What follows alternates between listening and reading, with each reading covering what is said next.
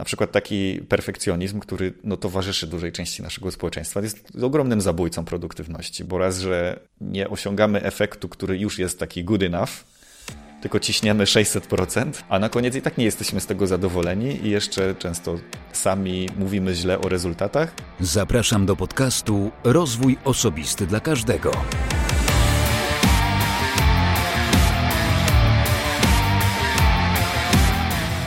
Ja nazywam się Wojciech Struzik, a Ty właśnie będziesz słuchał 79. odcinka podcastu Rozwój Osobisty dla Każdego, który nagrywam dla wszystkich zainteresowanych świadomym i efektywnym rozwojem osobistym.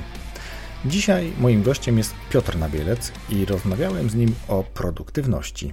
Ale zanim przejdziemy do tego, przypomnę Ci, że tydzień temu wyszedł mój solowy odcinek, gdzie mówiłem o rzeczach, których nauczyłem się od gości mojego podcastu o 10 rzeczach, a tylko o 10, dlatego że to była część pierwsza. A co ciekawe, ten odcinek jest dostępny także w formie normalnego wideo na kanale YouTube, gdzie też Cię zapraszam. A jeśli już tam będziesz, zostaw proszę subskrypcję, jak to mówią YouTuberzy, kciuka w górę. No i ciekaw jestem, jakie masz wrażenia z tego odcinka podcastu. Zapraszam też do zostawienia swojego adresu mailowego na stronie poradnikowo.com, jeszcze stronie poradnikowo.com, bo już za kilka tygodni będzie nowa strona, o czym mówiłem w solowym odcinku i o czym będę jeszcze pewnie kilka razy powtarzał, tak żeby ta wiadomość utkwiła w Twojej głowie, żebyś wiedział, że za chwilę będzie podcast dostępny na nowej stronie, oprócz tego, że on tradycyjnie będzie dostępny w Twojej aplikacji do słuchania podcastów. Zapraszam Ciebie także do zapisania się na podcastowy newsletter, który razem z innymi pasjonatami e, i twórcami zarazem podcastów przygotowujemy, słuchając polskich, dobrych, ciekawych, wartościowych, zabawnych podcastów. Wybieramy je dla Ciebie po to, żebyś Ty mógł znaleźć na przykład coś, co Ciebie w danym momencie interesuje. Pomagamy odkryć nowe podcasty, Taki newsletter co sobotę dostarczamy na Twoją skrzynkę mailową, więc serdecznie zapraszam. Sprawdź, jak on wygląda i czy jest dla Ciebie wartościowy, a myślę, że jest. Dobrze. W dzisiejszym odcinku usłyszysz rozmowę o produktywności, ale produktywności bez przegięcia i bez nadęcia. O zdroworozsądkowym podejściu do mądrej pracy, o konsekwencjach też trochę perfekcjonizmu i pracoholizmu. Piotr jest doświadczonym trenerem, autorem książki, dzieli się wiedzą, swoją wiedzą, wiedzą praktyka. Więc z dzisiejszego odcinka myślę, że wyciągniesz dużo ciekawych wskazówek dla siebie, albo utrwalisz sobie to, co już dobrze wiedziałeś, a może i mimo wszystko, że wiesz, to nie stosujesz. Miłego słuchania. Zapraszam na rozmowę. Nazywam się Piotrek Nabielec, prowadzę produktywni.pl, pomagam ludziom zbudować dobre nawyki organizacji swojego czasu, e, czyli prowadzę kursy online, offline, e, które pomagają się ludziom lepiej zorganizować, lepiej korzystać ze swojego czasu, e, organizować swój chaos, tysiąca jakichś aktywności, projektów, które zazwyczaj ludzie chcą pogodzić z życiem prywatnym, z odpoczynkiem. Wcześniej byłem 10 lat programistą, menedżerem w IT, no i Później zająłem się właśnie szkoleniami i założyłem produktywnych i tym się zajmuję od 2015 roku. Ja Ciebie słuchałem w jednym z podcastów, jak się nie mylę, Dominika Juszczyka. Mhm. I już wtedy wydałeś mi się bardzo interesującym człowiekiem i jak tylko wystartowałem, to miałem ciebie na liście, na tak zwanej liście, ale całkiem niedawno dopiero w momencie, kiedy uznałem, że jednak przełamę się i zacznę rozmawiać więcej zdalnie, no, no COVID jakby to trochę wymusił, to od razu mhm. jakby ta lista nabrała innego kształtu i moi goście e, bardzo często zamienili się kolejnością i dzięki temu udało nam się spotkać, udało to znowu takie słowo klucz, ale spotkaliśmy się tutaj online, a ja zapytam Ciebie, zanim przejdziemy do meritum jeszcze, bo bardzo mam dużo pytań w głowie, zapytam Ciebie o to, co jest Twoją pasją. No, to, co robię, jest moją ogromną pasją, bo mm, uwielbiam rozwój ludzi, uwielbiam te wszystkie tematy związane z tym, jak fajniej przeżyć życie, nie wiem, w zgodzie ze sobą, ale też dobrze wykorzystując właściwie ten jedyny cenny zasób, jaki mamy, którego się nie da pomnożyć, czyli czas. to jest jakaś moja pasja y, ogromna. Nie, nie jestem z tych ludzi, którzy żyłują każdą minutę, że jakby zrób więcej, wysłuchaj jeszcze tam czegoś i e, tylko lubię też obijanie, nie wiem, jestem, to może droga moja pasja, jestem muzykiem, lubię takie kreatywne różne zajęcia, zajmuję się mnóstwem rzeczy, przynajmniej próbuję. Staram się dużo ruszać, tańczę, śpiewam, recytuję prawie, że. Także to są takie też pasje, które chciałem pogodzić w jakiś sposób, czyli żeby móc pracować, robić rzeczy, rozwijać się, rozwijać innych, ale też właśnie mieć czas na obijanko, ale też na takie kreatywne rzeczy, których, nie wiem, wymaga muzyka, czy, czy taniec, czy w ogóle jakaś forma ruchu, gdzie, gdzie nie masz jakby scenariusza do odtworzenia, troszkę tak jak, nie wiem, w, w pracy niektórzy, tylko właśnie musisz podążać za czymś, co właściwie nie wiadomo, gdzie prowadzi do końca. Mhm. Także chyba to są takie moje e, główne pasje, myślę. Związane z, z jednej strony z takimi bardzo praktycznymi rzeczami, z, organizacja, z organizacją czasu mhm. E, i z rozwojem ludzi, a z drugiej strony muzyka, dużo muzyki, taniec i, e, i ruch w ogóle. Świetnie, no to bardzo e, pasujesz jako gość do podcastu Rozwój Osobisty dla każdego, no bo tutaj słowo rozwój pojawiło się już kilka razy i to z twoich ust, a nie moich. Cieszę, że, cieszę się, że powiedziałeś o muzyce. Ja mm, słyszałem całkiem niedawno twój coming out, część pierwszą. Część pierwszą, ale to Aha. przejdziemy za chwilkę. I cieszę się też, że powiedziałeś o takim e, twojej, twojej też pasji, czyli takim trochę, nazwijmy to, obijaniu się, czyli nie robieniu nic, e, co można by rzec kłóci się z takim stereotypowym wyobrażeniem człowieka, który zajmuje się produktywnością. Bo tutaj, jeżeli mówimy słowo produktywność, to na, właśnie pojawiają się takie obrazy w głowie człowiek, który ma 11 rąk, który y, uważa, że multitasking to jest prawda i on właśnie jest taki wielozadaniowy.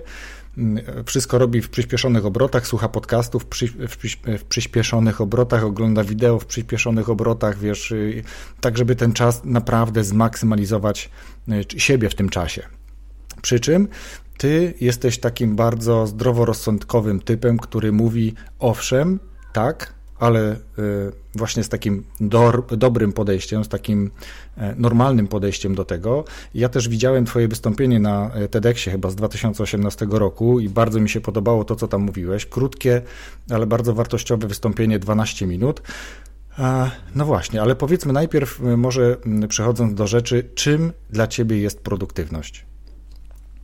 No, definicję by trzeba po prostu podać, myślę. Czyli produktywność to będzie osiągnięty efekt, tudzież wartość podzielona przez włożony wysiłek. Tyle, czyli jakby podnoszenie produktywności wiąże się z tym, że albo tym samym wysiłkiem osiągasz większy efekt, albo osiągasz ten sam efekt mniejszym wysiłkiem, a właściwie najlepiej byłoby zrobić oba naraz. Mhm. Także mm, i, i, na tą produktywność, bo wspomniałeś o tym, ja, ja bym spojrzał z różnych perspektyw, czyli jakby w zależności od jednostki czasu bo ten multitasking kojarzy się z żyłowaniem godziny. Mhm. Nie? Czyli jeśli ja naprawdę zrobię taki multitasking, to się wydaje, że w godzinę zrobiłem więcej. Teraz y, w świetle nauki, którą mamy na temat budowy mózgu, wiem, że właśnie przepaliłem ekstra porcję glukozy, która już mi się dzisiaj nie zwróci, dopóki się nie wyśpię i nie, albo nie napakuję jakąś chemią. Mhm. I w, w związku z tym z perspektywy dnia już zrobię mniej to pewnie osoby, które dużo multitaskują, wiedzą, jak się czują wieczorem. I to jest kwestia wszystko perspektywy czasu, bo są osoby, które żyłują jakby każdy dzień, ale z perspektywy roku, jak spoglądają wstecz, to na przykład stwierdzają, że są nieszczęśliwe, że w ogóle jakby robiły nie to, co trzeba, albo że rozpadły się ich relacje. I to, to jest jakby doświadczenie, które mnie pchnęło w stronę tego, że, że takiego głosu ja nie słyszałem, że jakby myśląc o produktywności, ludzie często kojarzą to właśnie z produktywnością godziny albo dnia. A y, no, czytamy potem te wszystkie smutne artykuły pod tytułem Pięć rzeczy, których ludzie żałują przed śmiercią i takie, no, nie? Po czym czytamy, tak, tak, tak, wiemy, wiemy, po czym znowu jest wir zajęć, nie? I w to mi strasznie tak zgrzytało i, i dlatego chciałbym, żebyśmy spoglądali na produktywność w różnych, w różny sposób, z różnych perspektyw, nie? Czyli jeśli ja myślę o produktywności w perspektywie roku, no to zupełnie inaczej myślę o swoim dobrostanie psychicznym, nie wiem, e, tym, czy, czy się wysypiam regularnie, jak dbam o swoje ciało, jak się odżywiam, nie? Bo to nagle wszystko zaczyna mieć sens, bo mhm. wiemy, jak to jest, jak działamy, jak jesteśmy w świetnej kondycji psychicznej i fizycznej, a jak na przykład zaczyna nam szwankować zdrowie, relacje, czy w ogóle czujemy się kiepsko. To, to, nie, jest, to nie jest różnica w tej przysłowiowej produktywności o 5-10%, tylko to jest 50 razy. Mhm.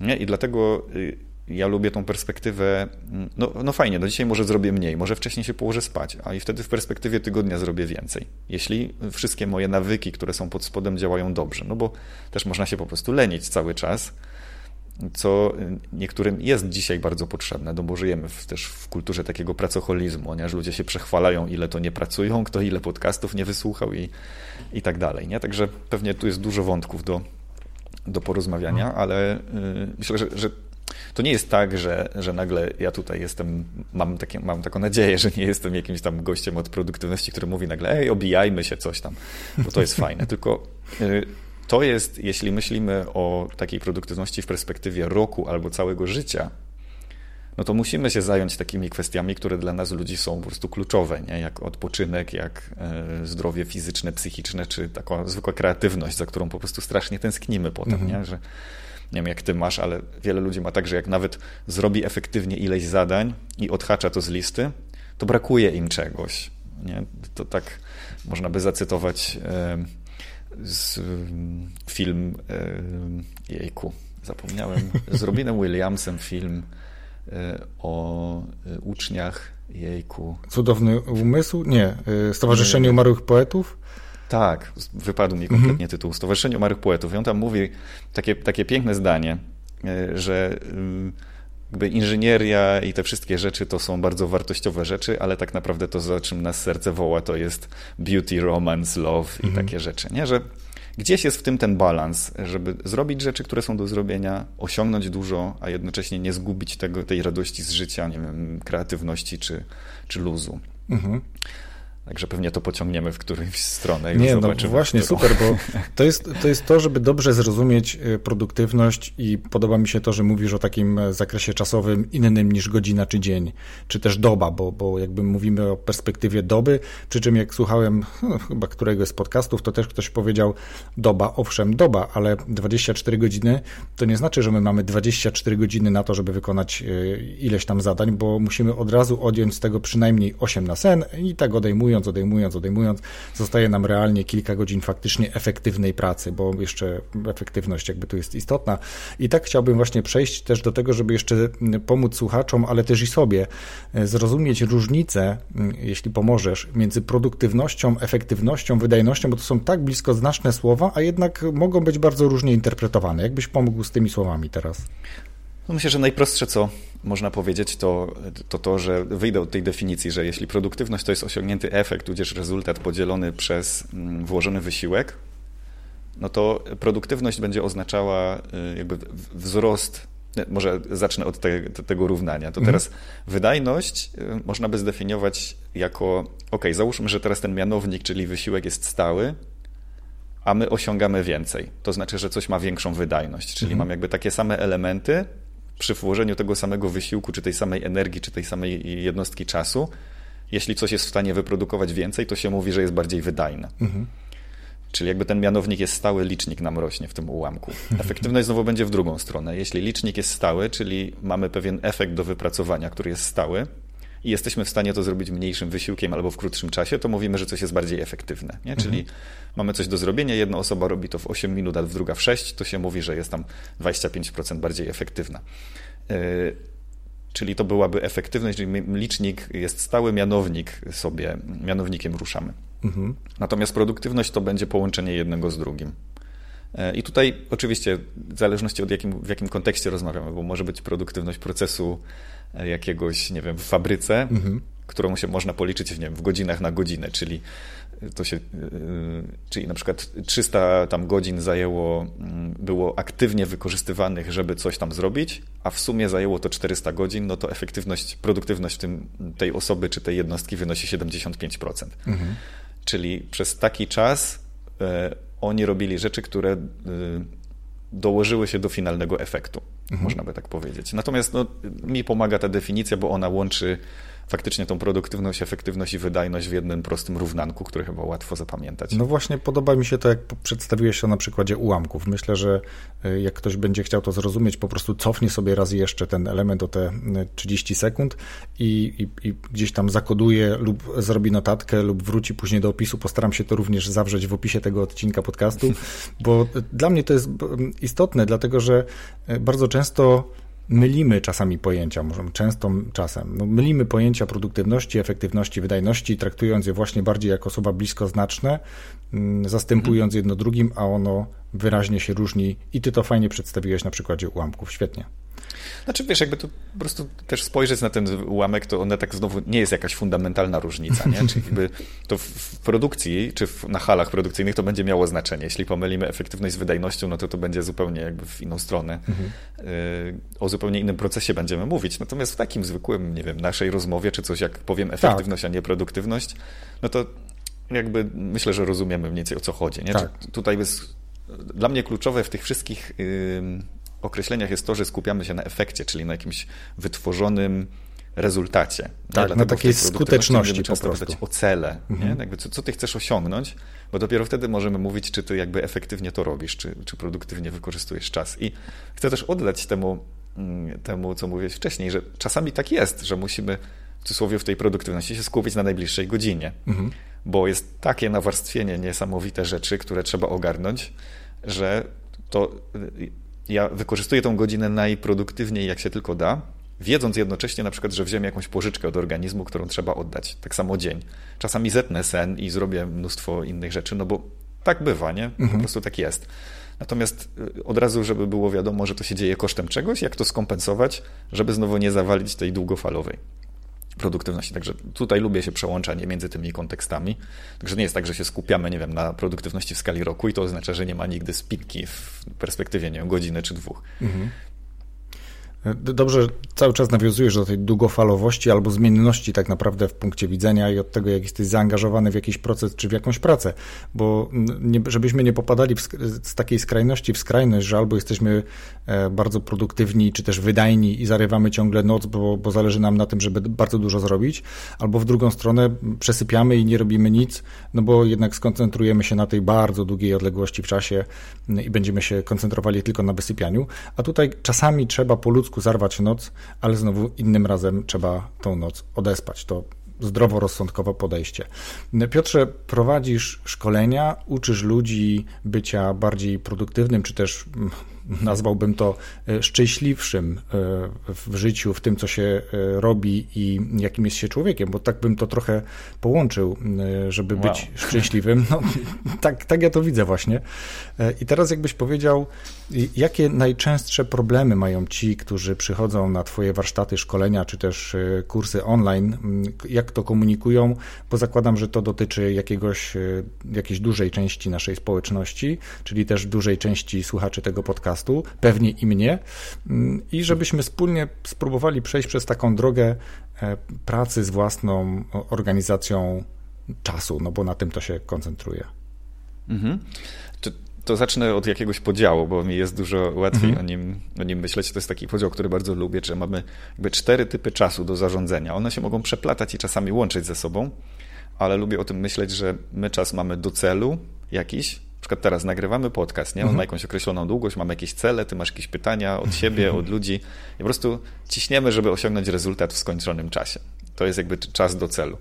Mamy też czas na odpoczynek, na ładowanie akumulatora, kiedy y, jakby nasz organizm odzyskuje siły fizyczno-psychiczno-intelektualne. Y, mamy czas na relacje, no i mamy czas kreatywny, który właśnie jest takim trochę, że on nie wiadomo, gdzie on zmierza. No, najfajniej to na dzieciach widać, nie? że dziecko czasami buduje, rodzic pyta, ej, co budujesz? A ono nie wie jeszcze, ono po prostu buduje. Nie? I ten, ten koniec tego procesu jest otwarty cały czas. I, i yy, rodzic szczęśliwy, bo dziecko zbudowało zamek, bo on jest w tym czasie do celu, a dziecko nagle jednym kopem to rozwala, nie? bo jest w procesie kreatywnym, bo po prostu coś tu się tworzy, jeszcze nie wiadomo co. I teraz y, kluczowe problemy to jakby przejść przez te cztery typy to spróbuję takie top 3 wymienić moim zdaniem. E, czyli tak, w czasie do celu e, myślę, że nie znamy ograniczeń swojego mózgu w dużej części i po prostu robimy sobie dużo krzywdy, na przykład nie wiedząc, jak się wytwarza sensownie nawyki, Więc y, bardzo dużo ludzi zużywa mnóstwo energii na, na takim bardzo staraniu się, potem obwinianiu, poczuciu winy, że jestem beznadziejny, że mi nie wychodzi. I to jest taki proces, który jest, jest nim dużo frustracji. Yy, I myślę, że dlatego jest nam trudno wytwarzać dobre, fajne nawyki, trwałe. To jest tak, jakby tu widzę taką wielką mordęgę, że jak myślę o wytwarzaniu nawyków i ludzie myślą, to tak się kojarzy raczej, że o Jezu, ja to raczej nie jestem w tym dobry. Mhm. To jest jeden z problemów. Jest, jest bardzo duży chaos w tym, co ludzie chcą zrobić. E, mamy pomieszane zadania z projektami, duże z małymi, średnie z wielkimi i, i naprawdę jak jest potem pytanie, ok, jakie trzy najważniejsze rzeczy chcesz dzisiaj zrobić, czy w tym tygodniu, to ludzie po prostu nie wiedzą. Mają listy pełne 50-100 zadań, 15 projektów równolegle i nie wiedzą, co jest najważniejsze. Jakby to, to, ten wybór i rezygnowanie z czegoś jest, jest dużym problemem. To, to w tym się w kursach głównie zajmujemy. Takim porządkiem, który sprawia, że ty klarownie widzisz, co jest najważniejsze i w świetle tego pewne inne rzeczy jakby łatwiej ci zrezygnować, a też umieścić je w jakimś kontekście, bo jesteśmy nauczeni gdzieś, nie wiem dlaczego, tego, że po prostu wszystko jest równie ważne, że ty masz w pracy, nie wiem, 10-15 zadań dziennie do wykonania i w jakiś sposób masz je zrobić wszystkie, mimo że jedno z nich, tu mamy zasadę Pareto, nie? 20% z tych zadań wytworzy 80% rezultatu.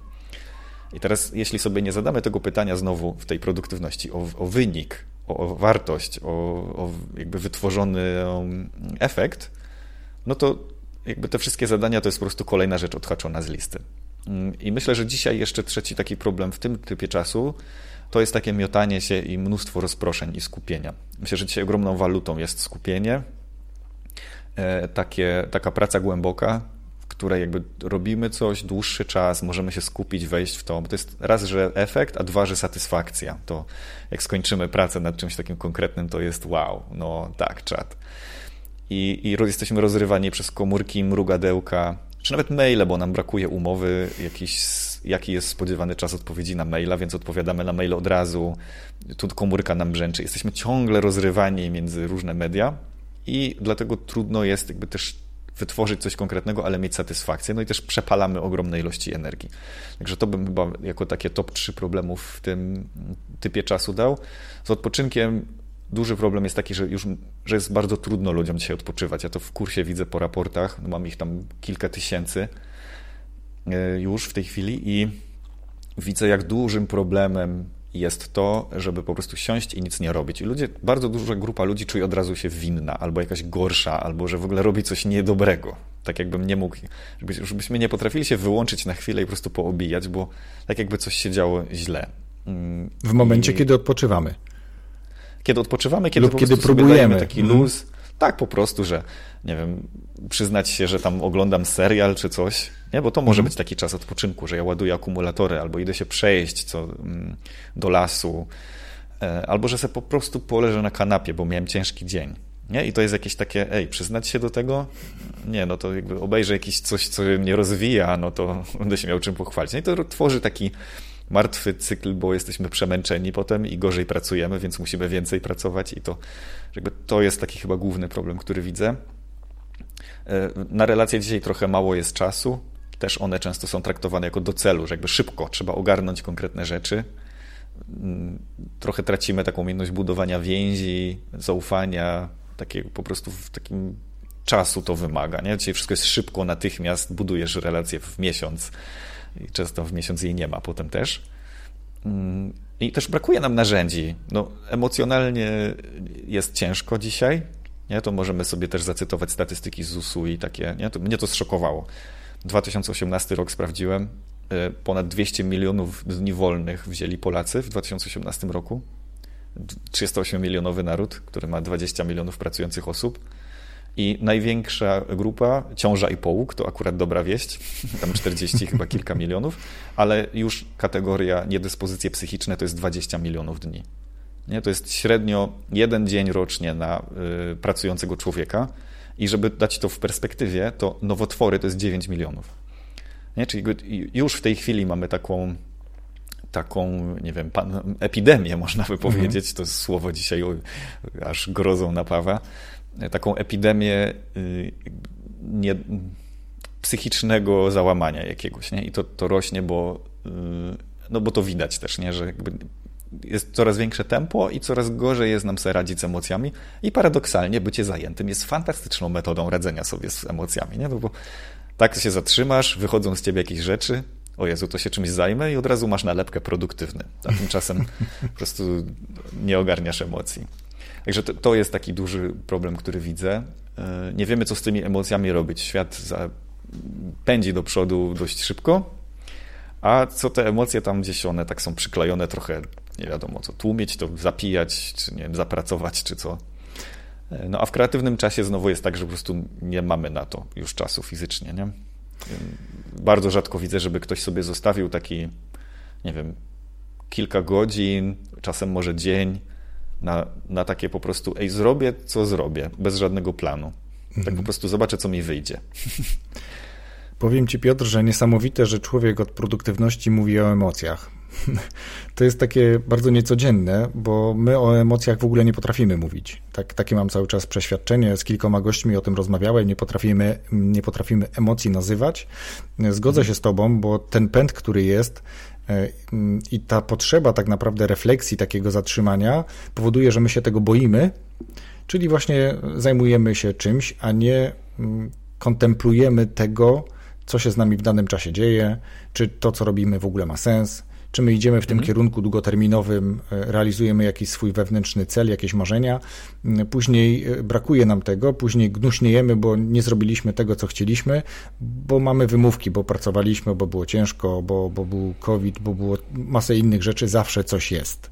Mhm. I teraz właśnie e, to, co ty mówiłeś, znowu odniosę się do twojego wystąpienia na TEDxie, mówiłeś o tym, że ten czas, który jest tutaj kluczem tak naprawdę w produktywności, efektywności, gdziekolwiek on w którymś albo mianowniku, albo liczniku będzie występował, mm, to jest to dobro, mm, czy ten zasób, który jest nieodnawialny, niestety. Więc tu bardzo mocno szedłbym w tym kierunku, który ty propagujesz tej zdroworozsądkowej produktywności po to, żeby ten czas nie tyle wykorzystać maksymalnie, żeby ten czas tak e, bardzo wycisnąć, ale żeby w tym czasie być maksymalnie szczęśliwym, żeby w tym czasie zrobić mhm. tyle, ile ja uważam, że chcę, żeby być zadowolonym z siebie. Tak? Nie, żeby ktoś był zadowolony ze mnie, bo to jest nasz problem, myślę, tylko żebym ja był z siebie zadowolony. I myślę, że pewnie też do tego nawiązujesz. Nie znam Twoich kursów, niestety, ale myślę, że to też jest taki element, który gdzieś po drodze albo na końcu się pojawia, że ta produktywność ma mi pomóc być e, lepszym, szczęśliwszym e, człowiekiem. No, żeby to odżyć troszkę z takiego romantyzmu, e, który może tu powiało, to powiem, że tak, że jakby z budowy naszego mózgu dość prosto wynika, że te części odpowiedzialne za emocje, kiedy one się aktywują za bardzo, szczególnie te, które odpowiadają za poczucie zagrożenia i tak dalej, no to właściwie jesteśmy odcięci od logiki. Zresztą kto się kłócił, to wie jak jest, nie? że po prostu jak się aktywuje w tobie y, taki ośrodek, kiedy czujesz się zagrożony w rozmowie, to nagle jakby nagrać ciebie, to w ogóle rzucasz jakieś argumenty z kosmosu. Czasami trzeba kogoś przeprosić, nie? Bo w ogóle czy gada takie rzeczy, że nawet nie bardzo ogarnia, że to powiedział. E, nie jesteśmy w ogóle kreatywni wtedy, bo wchodzimy w taki tryb tunelowy, mm, kiedy po prostu myślimy utartymi schematami i, i mamy coraz więcej na to badań, że, że takie momenty aha, jak my to nazywamy, czy takie olśnienia, właśnie przychodzą wtedy, kiedy się czujemy w miarę bezpiecznie i spokojnie, bo jakby nie ma takiego szumu, którym jesteśmy ciągle, nasza głowa przepełnieni i jesteśmy w stanie wyłapać bardziej subtelne sygnały. Także to, to jest z jednej strony y, po, po prostu jak jesteśmy spokojni i emocje są w miarę ogarnięte, to nasze nawyki działają normalnie i nasza logika działa normalnie. A jeśli na przykład mam natłok 15 zadań, tu jeszcze mi się coś wpycha, tu mi dzwoni telefon, a tu jeszcze się coś w domu wydarzyło, ja mam nagle podjąć decyzję, to zaczynam działać w takim trybie bardzo emocjonalnym i podejmuję często fatalne decyzje. I tutaj tym głównym dla mnie takim e, zadaniem jest, jak, jak odzyskać taką, takie stabilne mm, poczucie, co jest najważniejszego do zrobienia i jednocześnie nie wyprzeć tej emocjonalnej części, bo jednak, no kurczę, kupujemy emocjami, mamy mhm. relacje emocjonalne, tęsknimy za tym, no po to, nie wiem, słuchamy muzyki, chodzimy do teatru, czy robimy takie rzeczy, jednak nasze życie się kręci wokół tych emocji gdzieś tam, więc to jest jakby jedna, jedna z tych części. E, czekaj, druga, e, mówiłeś, coś mi się przypomniało, ale mi uciekło właśnie. E, Jedno to jest, że, aha, żeby odżyć z romantyzmu, e, bo po prostu dobrostan emocjonalny sprawia, że pracujemy wydajniej. Nie wiem, jesteś, jestem też, mam większą taką pojemność na to, co się może wydarzyć w relacji, nie? Jak jestem spokojny.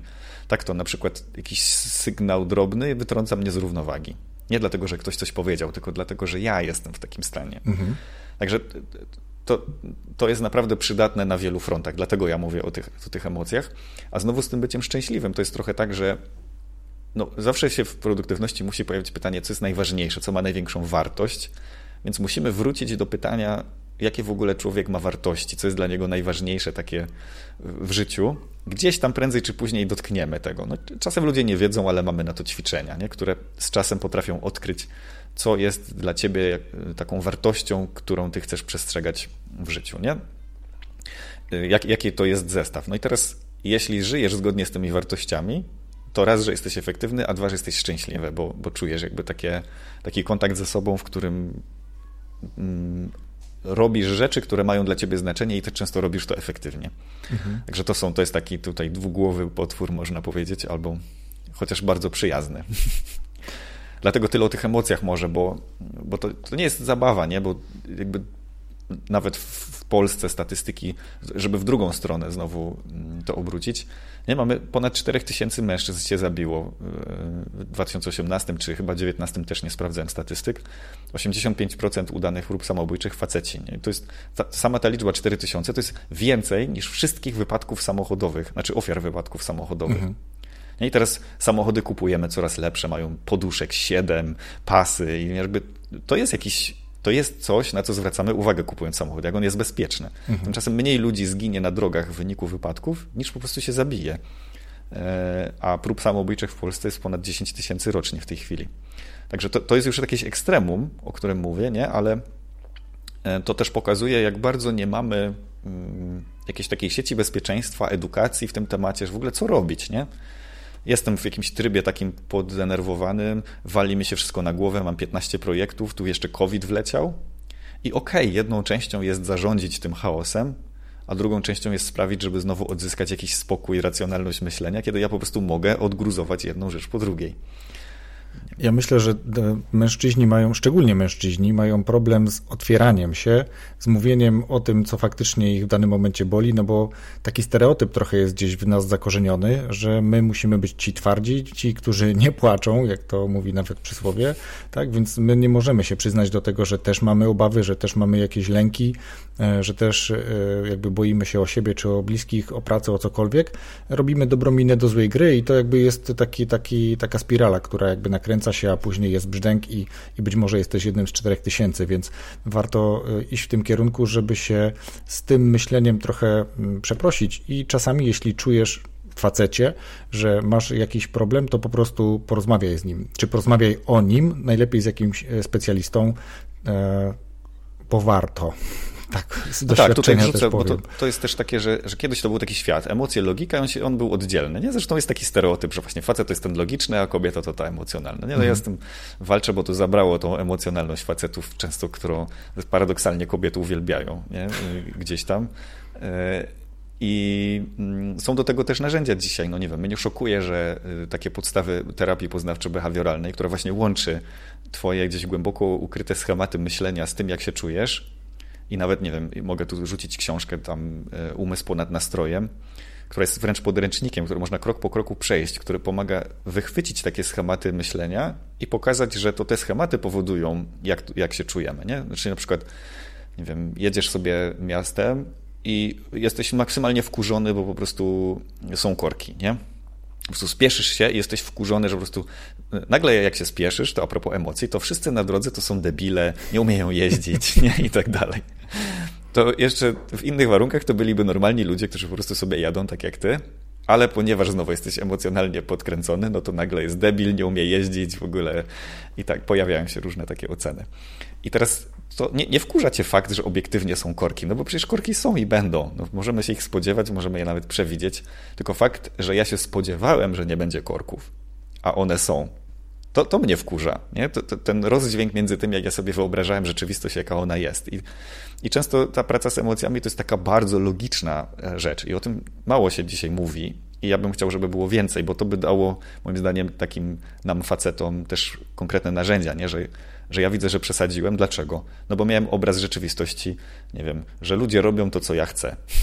nie mam obraz rzeczywistości, wszyscy jeżdżą po drodze tak, jak Piotrek chciałby, żeby jeździli. Zawsze kierunkowskaz, wiesz, i ty, jakby, no i nie wkurza mnie to, że ludzie jeżdżą tak, jak jeżdżą, tylko wkurza mnie to, że oni nie jeżdżą tak, jak ja bym chciał, żeby oni jeździli. Dokładnie. I, I y, duża praca z emocjami to jest takie po prostu szukanie wzorców, żeby nagle zobaczyć, ej, no nie wiem, u mnie w domu tak było, tak się nauczyłem, ale już tak nie chcę. Nie? I nie wiem, no, pewnie znasz ty i, i słuchacze jakichś tam ludzi, którzy nie wiem, bardzo pedantycznie wszystko sprzątają. Nie? I czują straszny dyskomfort, jak coś leży, nie wiem, nie w tym miejscu, co trzeba, albo jakiś minimalny kurz się pojawi. To też jakaś metoda radzenia sobie z emocjami. Podejrzewam, że tak ktoś miał w domu najczęściej, nie? że po prostu był tak ganiony za to, co się, mm, za jakąś odrobinkę bałaganu, że po prostu taki nawyk się w tej osobie wykształcił.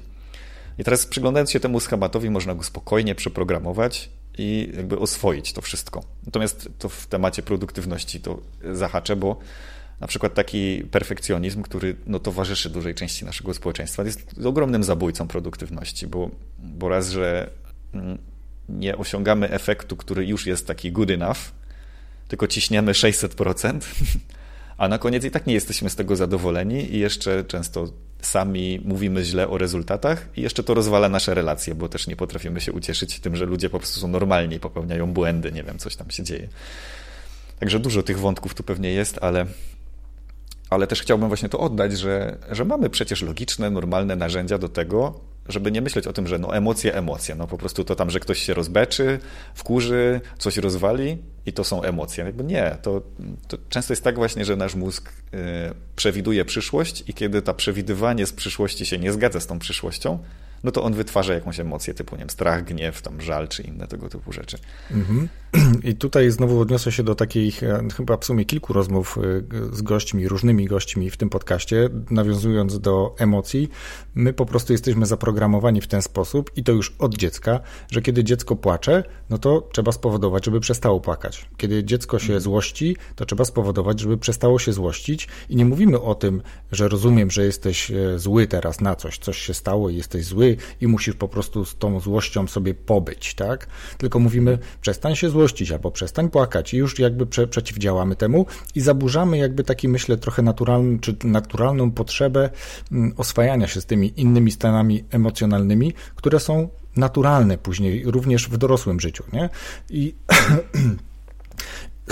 No ja nie jestem psychologiem, więc jakby nie będę się tłumaczył w tych tematach, ale to są rzeczy, które jakby obserwuję w, ciągle, no bo mam kontakt z ludźmi, z kursami, nie wiem, jak się mam online, to, to widzę codziennie, nie wiem, 100-150 raportów osób, które są w kursie i one piszą o różnych rzeczach i te, te wzorce są bardzo jaskrawo widoczne, nie, że e, na przykład jest lekcja o takim akumulatorze życiowym, czyli gdybyś miał ocenić dzisiaj w skali 0-100% taki twój akumulator życiowy, ale nie dzisiaj, nie, nie taki za jeden dzień, tylko taki w perspektywie kilku miesięcy na przykład, nie? czyli jak tam twoje relacje, zdrowie, poczucie sensu, taki, jak ty się masz, jeśli chodzi o taki, taki twój power, jaki masz.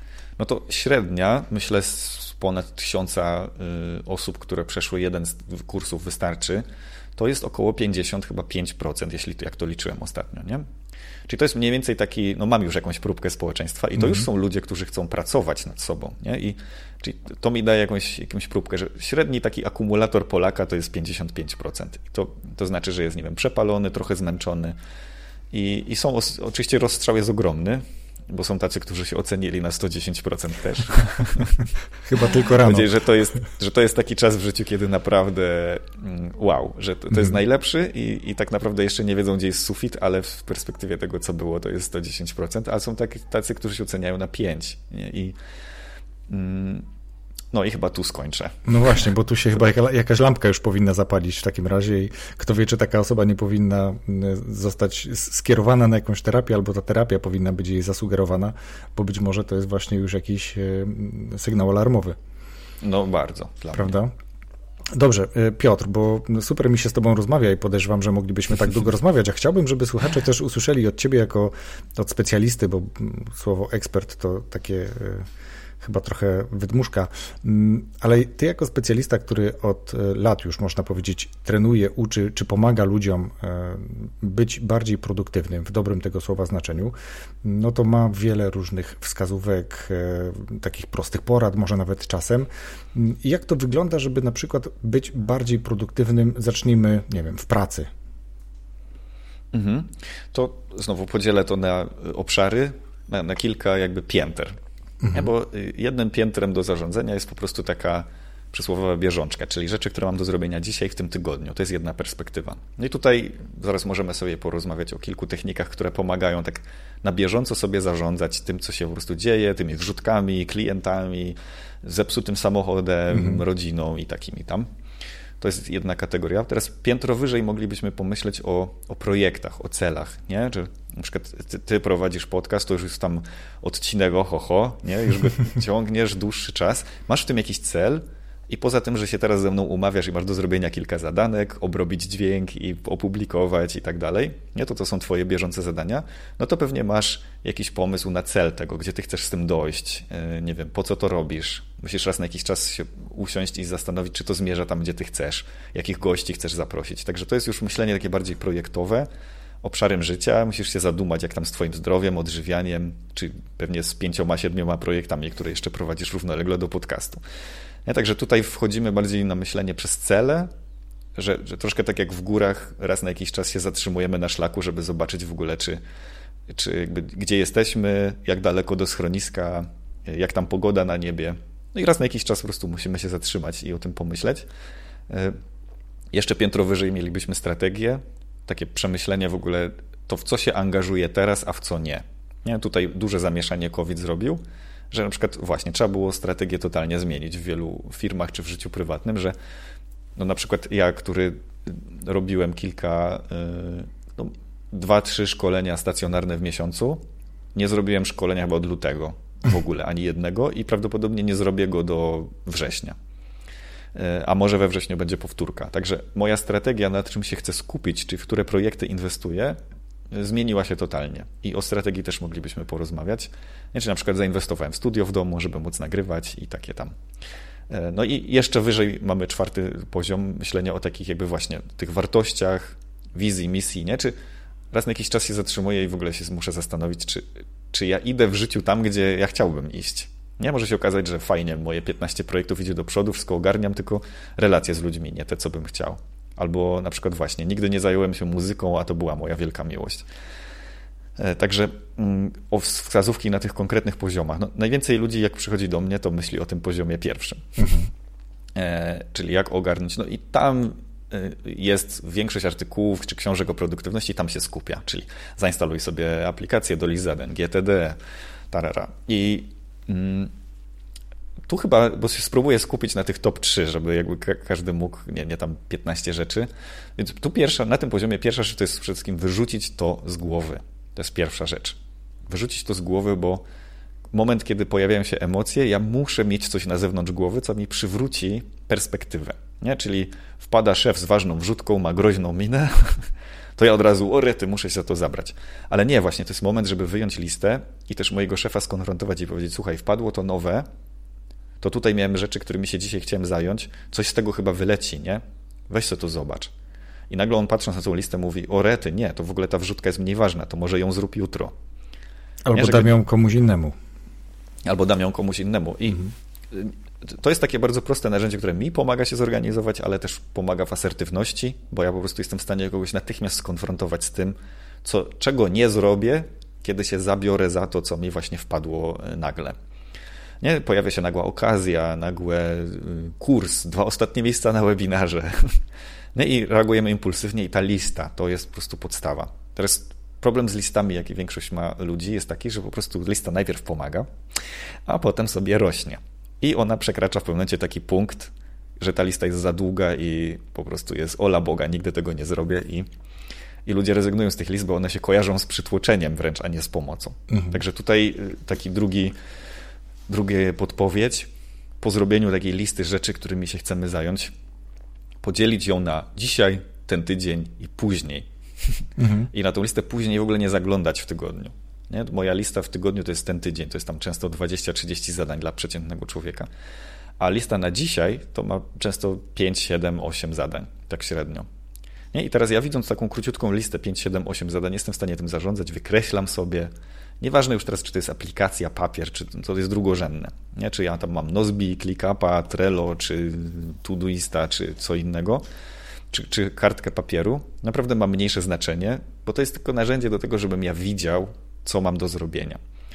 I teraz ta krótka lista ma mnóstwo zalet, łącznie z tym, że jak czegoś nie widzę, to sercu nie żal. Jak widzę listę, która ma 30 zadań, to od razu gdzieś tam kątem oka sobie patrzę i od razu te zadania pracują. Nie? Tylko przez sam fakt, że ja je zobaczyłem. Także ta, ta lista, żeby ją zrobić, a potem ją natychmiast podzielić na krótsze listy. To jest drugie chyba taka wskazówka, która ludziom pomaga i też pytanie siebie, ok, mam długą listę, nawet 7, 8, 10 rzeczy, co, jakie trzy są rzeczy najważniejsze dzisiaj? Co by się musiało wydarzyć, żebym ja się kładł do łóżka wieczorem z poczuciem, to był dobry dzień. Takie top 3 z dnia. I to może być czasami spotkanie, albo nie wiem, to, że pójdę wcześniej spać. czasami to jest top dnia. Mhm. Ogarnąć jedną rzecz w pracy, spędzić miły wieczór, nie wiem, z żoną, mężem, dziećmi i pójść wcześniej spać. Czasami to jest top na dzień. Nie? I, I to jest bardzo w porządku, bo to nam wytwarza fokus. I myślę, że mm, trzecia rzecz w takim dzień tydzień to jest właśnie pilnowanie skupienia. I tutaj y, dużo widzę ludzi się gnoi, że na przykład a siedzę na Facebooku, siedzę na tych portalach z nowościami bez sensu. Y, nie wiem jak z tym walczyć, a, a, z tym się nie walczy, to trzeba po prostu wyciąć. to jest tak, że bez sensu zużywamy energię na walkę z czymś, co jest zrobione jako narkotyk, który jest legalny. Nie? To jest to jest, siedzimy z specjalistami od przyciągania naszej uwagi i nie puszczania jej.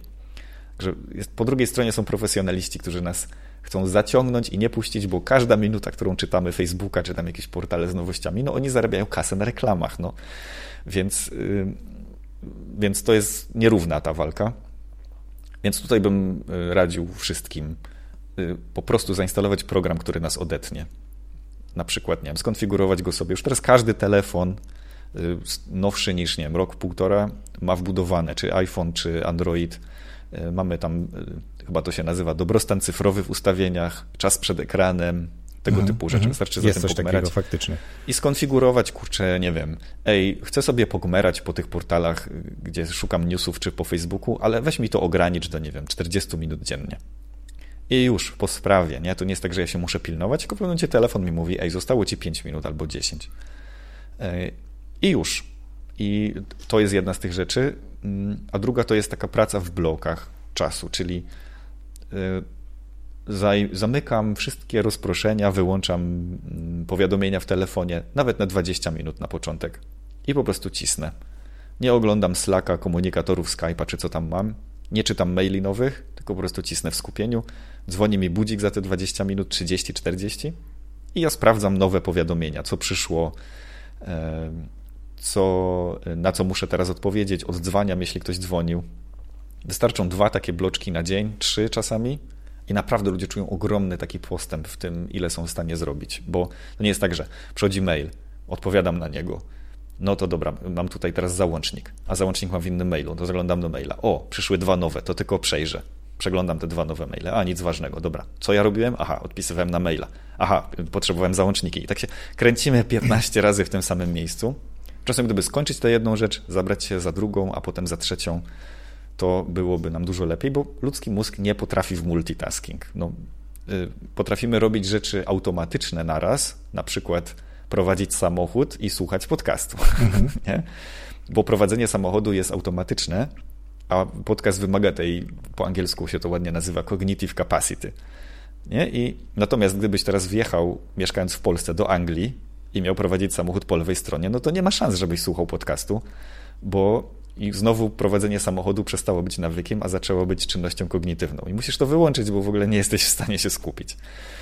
Także tutaj ten multitasking mógłby działać jako taki właśnie, dlatego będę ogromnym fanem nawyków, bo one po prostu działają, czy ty używasz logiki, czy nie, czy jesteś zmęczony, czy nie, po prostu one się uruchamiają. No. Nawet jak jesteś zmęczony, to nie myślisz, ej, e, spuszczać wodę w toalecie, czy nie?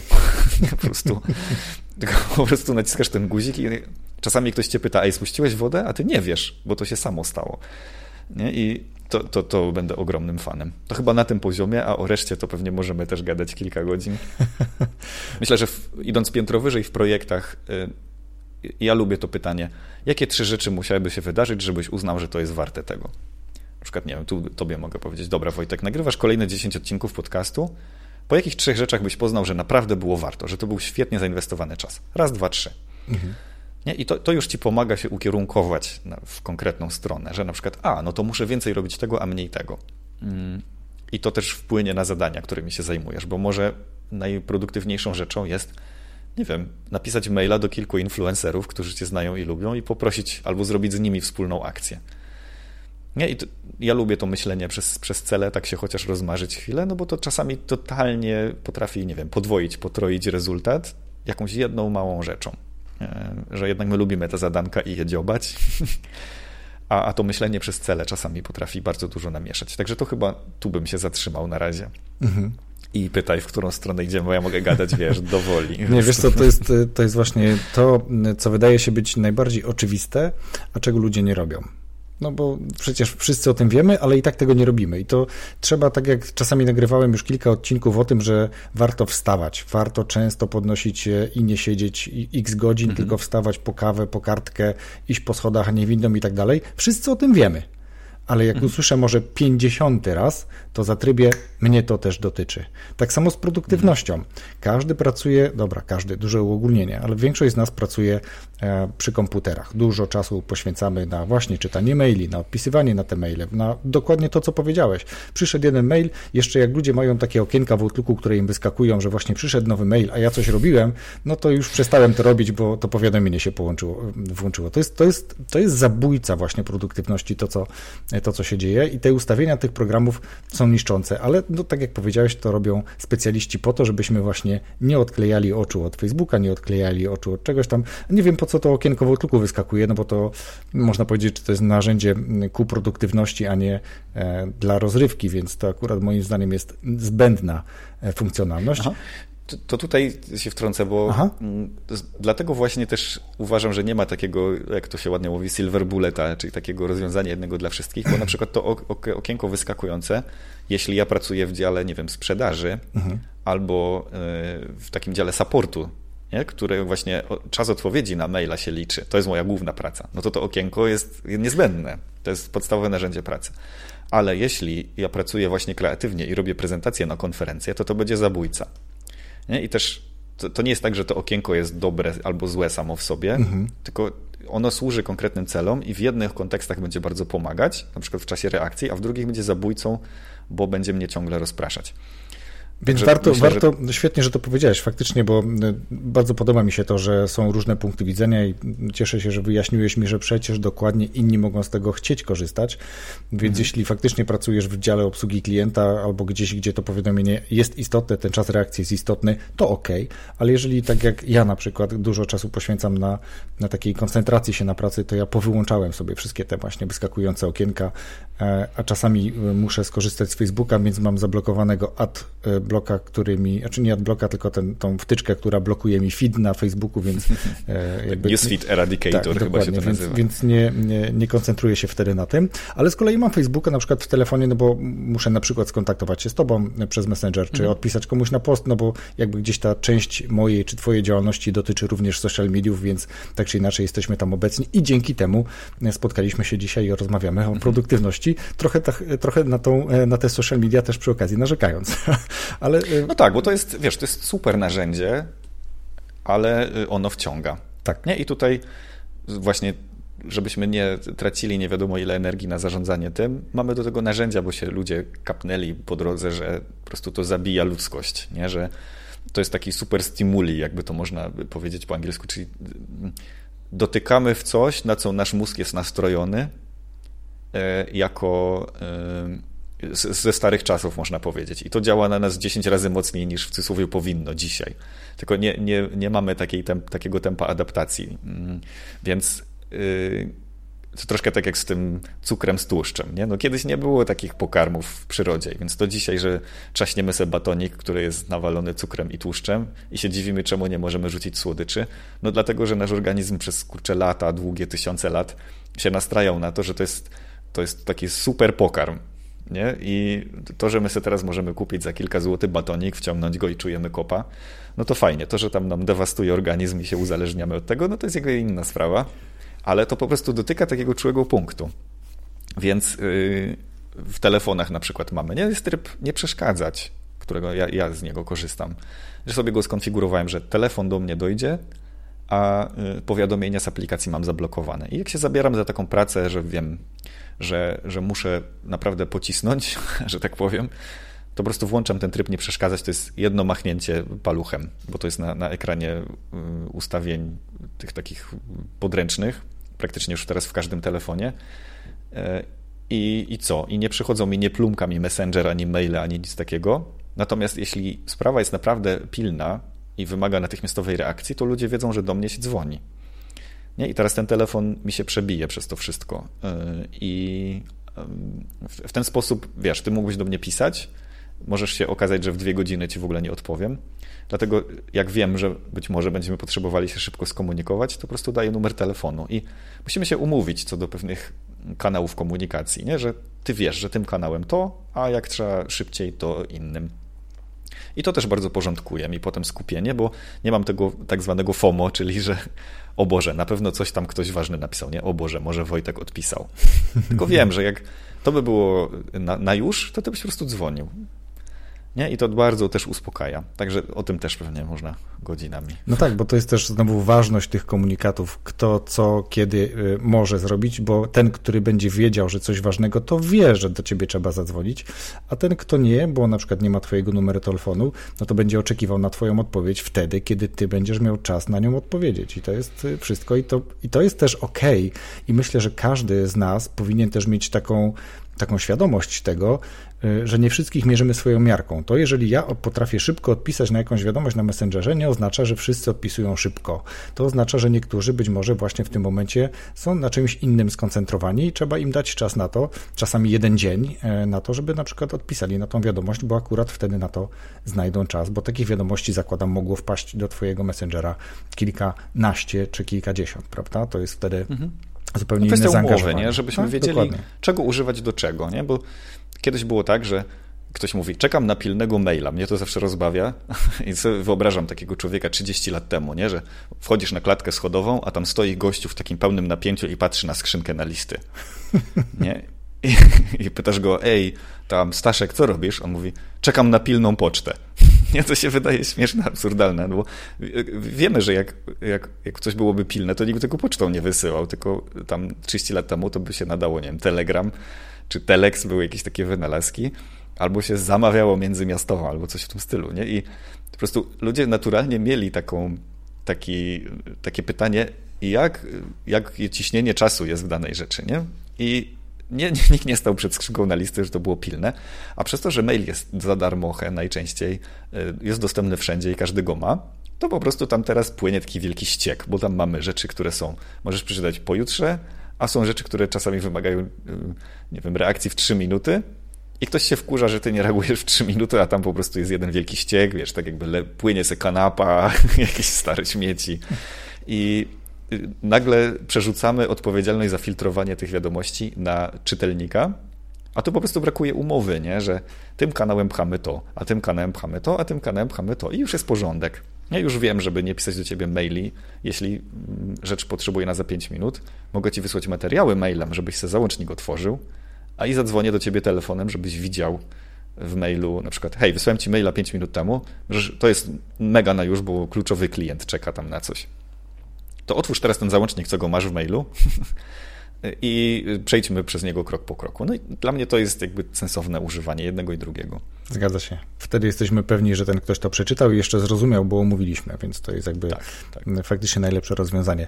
Piotrze, faktycznie moglibyśmy o produktywności nie tylko rozmawiać jeszcze wiele godzin, ale ja by chciał, chciałbym Ciebie poprosić o to, żebyś e, po pierwsze dał teraz kilka, o jednej już książce powiedziałeś, ale żebyś mhm. dał przykład jakiejś ciekawej literatury na przykład, ale też to może być jakiś kanał na YouTubie, czy osoba wręcz, którą warto obserwować w tym kontekście. Coś, co słuchaczom się przyda, bo wierz mi, korzystają z tego i dostaję e, często informacje o tym, że e, ciekawe książki goście polecają. Jedną już powiedziałeś, mhm. ja ją podlinkuję. Jakie jeszcze inne pozycje? Możesz przypomnieć, co wspominałem? Aha, umysł ponad nastrojem. Dokładnie. Okay. To w temacie dobrostanu emocjonalnego. Ojejku, kilka książek no, fascynujących dla mnie, polecam każdemu. Twój mózg w działaniu, David Rock. E, no super, no świetne. Świetne studium, które pokazuje ograniczenia naszej głowy w takim świetle, że jesteśmy w stanie je zrozumieć. E, ba, no, polecam każdemu, mało znana, nie wiem dlaczego. E, także Twój mózg w działaniu, David Rock. Najlepsza moim zdaniem książka o nawykach, o ich budowaniu, o zdroworozsądkowym podejściu. Dużo przykładów, dużo konkretnych technik o nawykach, atomowe nawyki. James Clear. To byłaby taka druga. Ja absolutnie uwielbiam książkę Mastery Roberta Green. O jeju, to była książka, którą przeżywałem długo, to, bo ona jest właśnie o takiej długofalowym mistrzostwie, czyli dzisiaj coś robię, za tydzień coś robię, a ona mówi o pewnym budowaniu takiego mistrzostwa, tak jak kiedyś był. Człowiek przez lata coś praktykował i miał pewną intuicję na ten temat, nie? taką, że aż na, na granicy z magią to funkcjonowało, że on po prostu nagle wpadał na jakiś pomysł i wszyscy wow, jak ty na to wpadłeś. Także to byłoby mastery. E, patrzę, co jeszcze.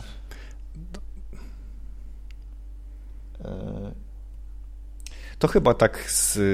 Mm, czekaj, myślę sobie jeszcze o, o, takiej rozpisce, którą mam, bo tych książek mógłbym dużo wymienić i mogę je podrzucić, ale takie zawsze się staram zrobić top 3. No tak, tak, super. Top Więc 3 myślę, właśnie się udało. Nawet, nawet, atom... nawet top 4 prawie wyszło. Tak, atomowe nawyki to jej, super i. E, myślę, że jeszcze w tym, bo ta kreatywność gdzieś mnie boli, że jest jej mało i tutaj e, bardzo dużo mi dała książka Kreatywność SA, czy Creativity Inc. E, od byłego szefa Pixara. Znaczy, nie byłego, aktualnego szefa Pixara, który jest z Pixarem od czasów założenia. Mhm. I Ed jest taką niesamowitą osobą, która pisze o procesie kreatywnym w taki sposób nie, nieromantyczny, że często kreatywność jest taki, że taki lekko odduch, że on tam nagle na coś wpadł. Nie? I Pixar Studio, które, które rok w rok robi hity, które są kreatywne, ale które mają deadline'y.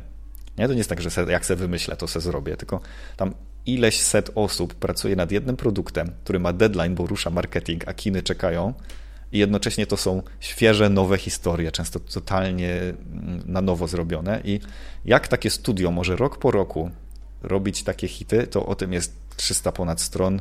No, mnóstwo inspiracji stamtąd wziąłem. Tak troszkę mi uziemiło tą kreatywność. Tam jest dużo o, o feedbacku, o tym, jaką on rolę pełni też. Mhm. I to taki czasem feedback bardzo brutalny. Nawet w kreatywności w kreatywności. On jest właściwie głównym paliwem. Tak zacząłem zupełnie inaczej na feedback patrzeć e, mhm. od tej książki. Także chyba tu się zatrzymam. Mam jeszcze ukochanego autora w Polsce praktycznie nieznanego. Nazywa się Haram Smith i e, to jest właściwie współ chyba założyciel Franklin Covey. No, siedem nawyków skutecznego działania Coveya to znają wszyscy, mhm. a Harama Smitha nie zna prawie nikt. I on miał taką książkę chyba 10 10 jakichś nawyków.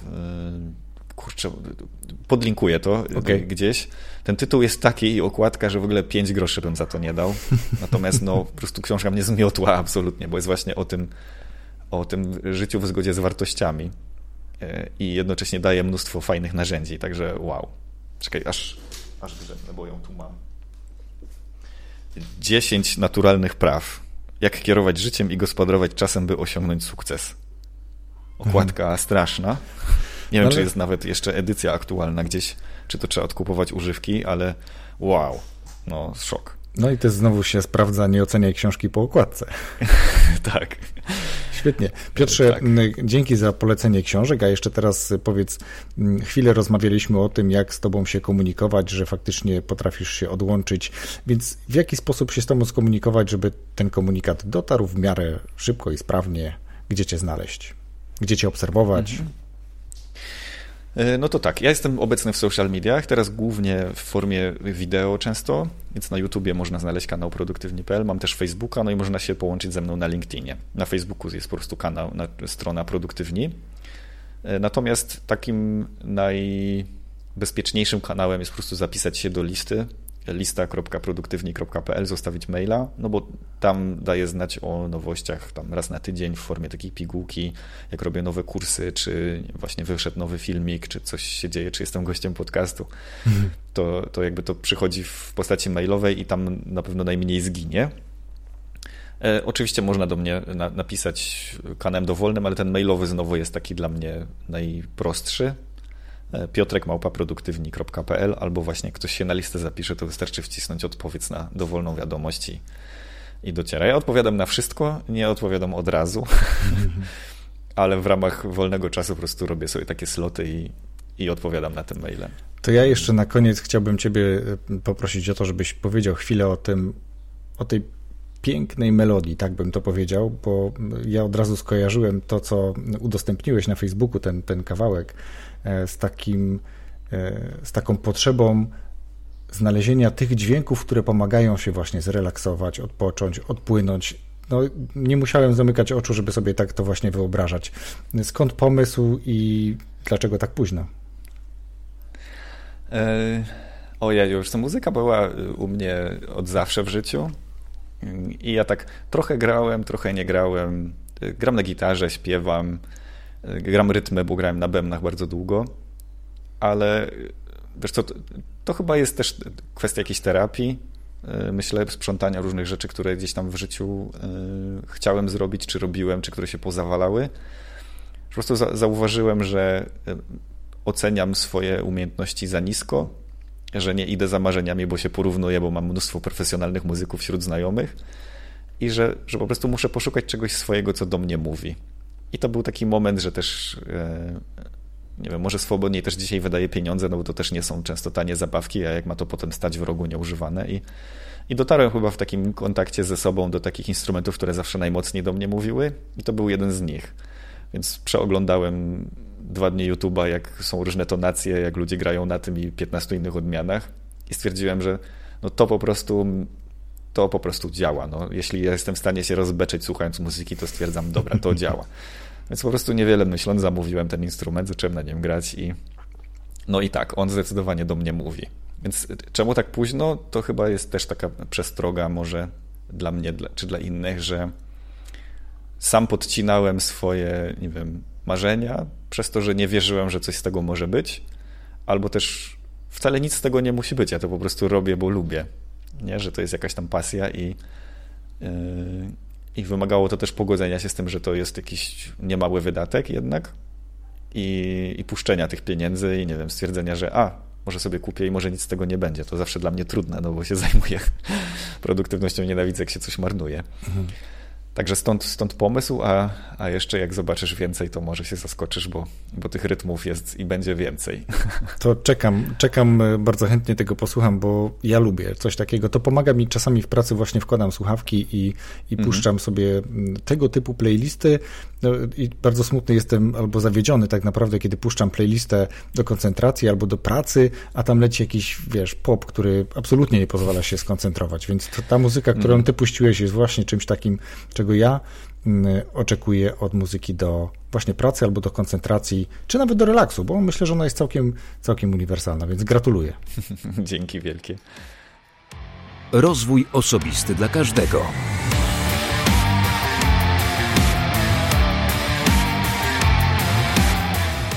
To była bardzo sympatyczna, ale zarazem też wartościowa rozmowa.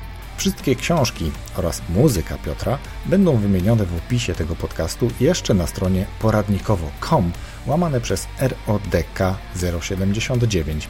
Zapraszam więc do zapoznania się i słuchania tej cudownej muzyki. Zapraszam też do komentowania i dzielenia się swoimi przemyśleniami na temat, o którym rozmawialiśmy z Piotrem.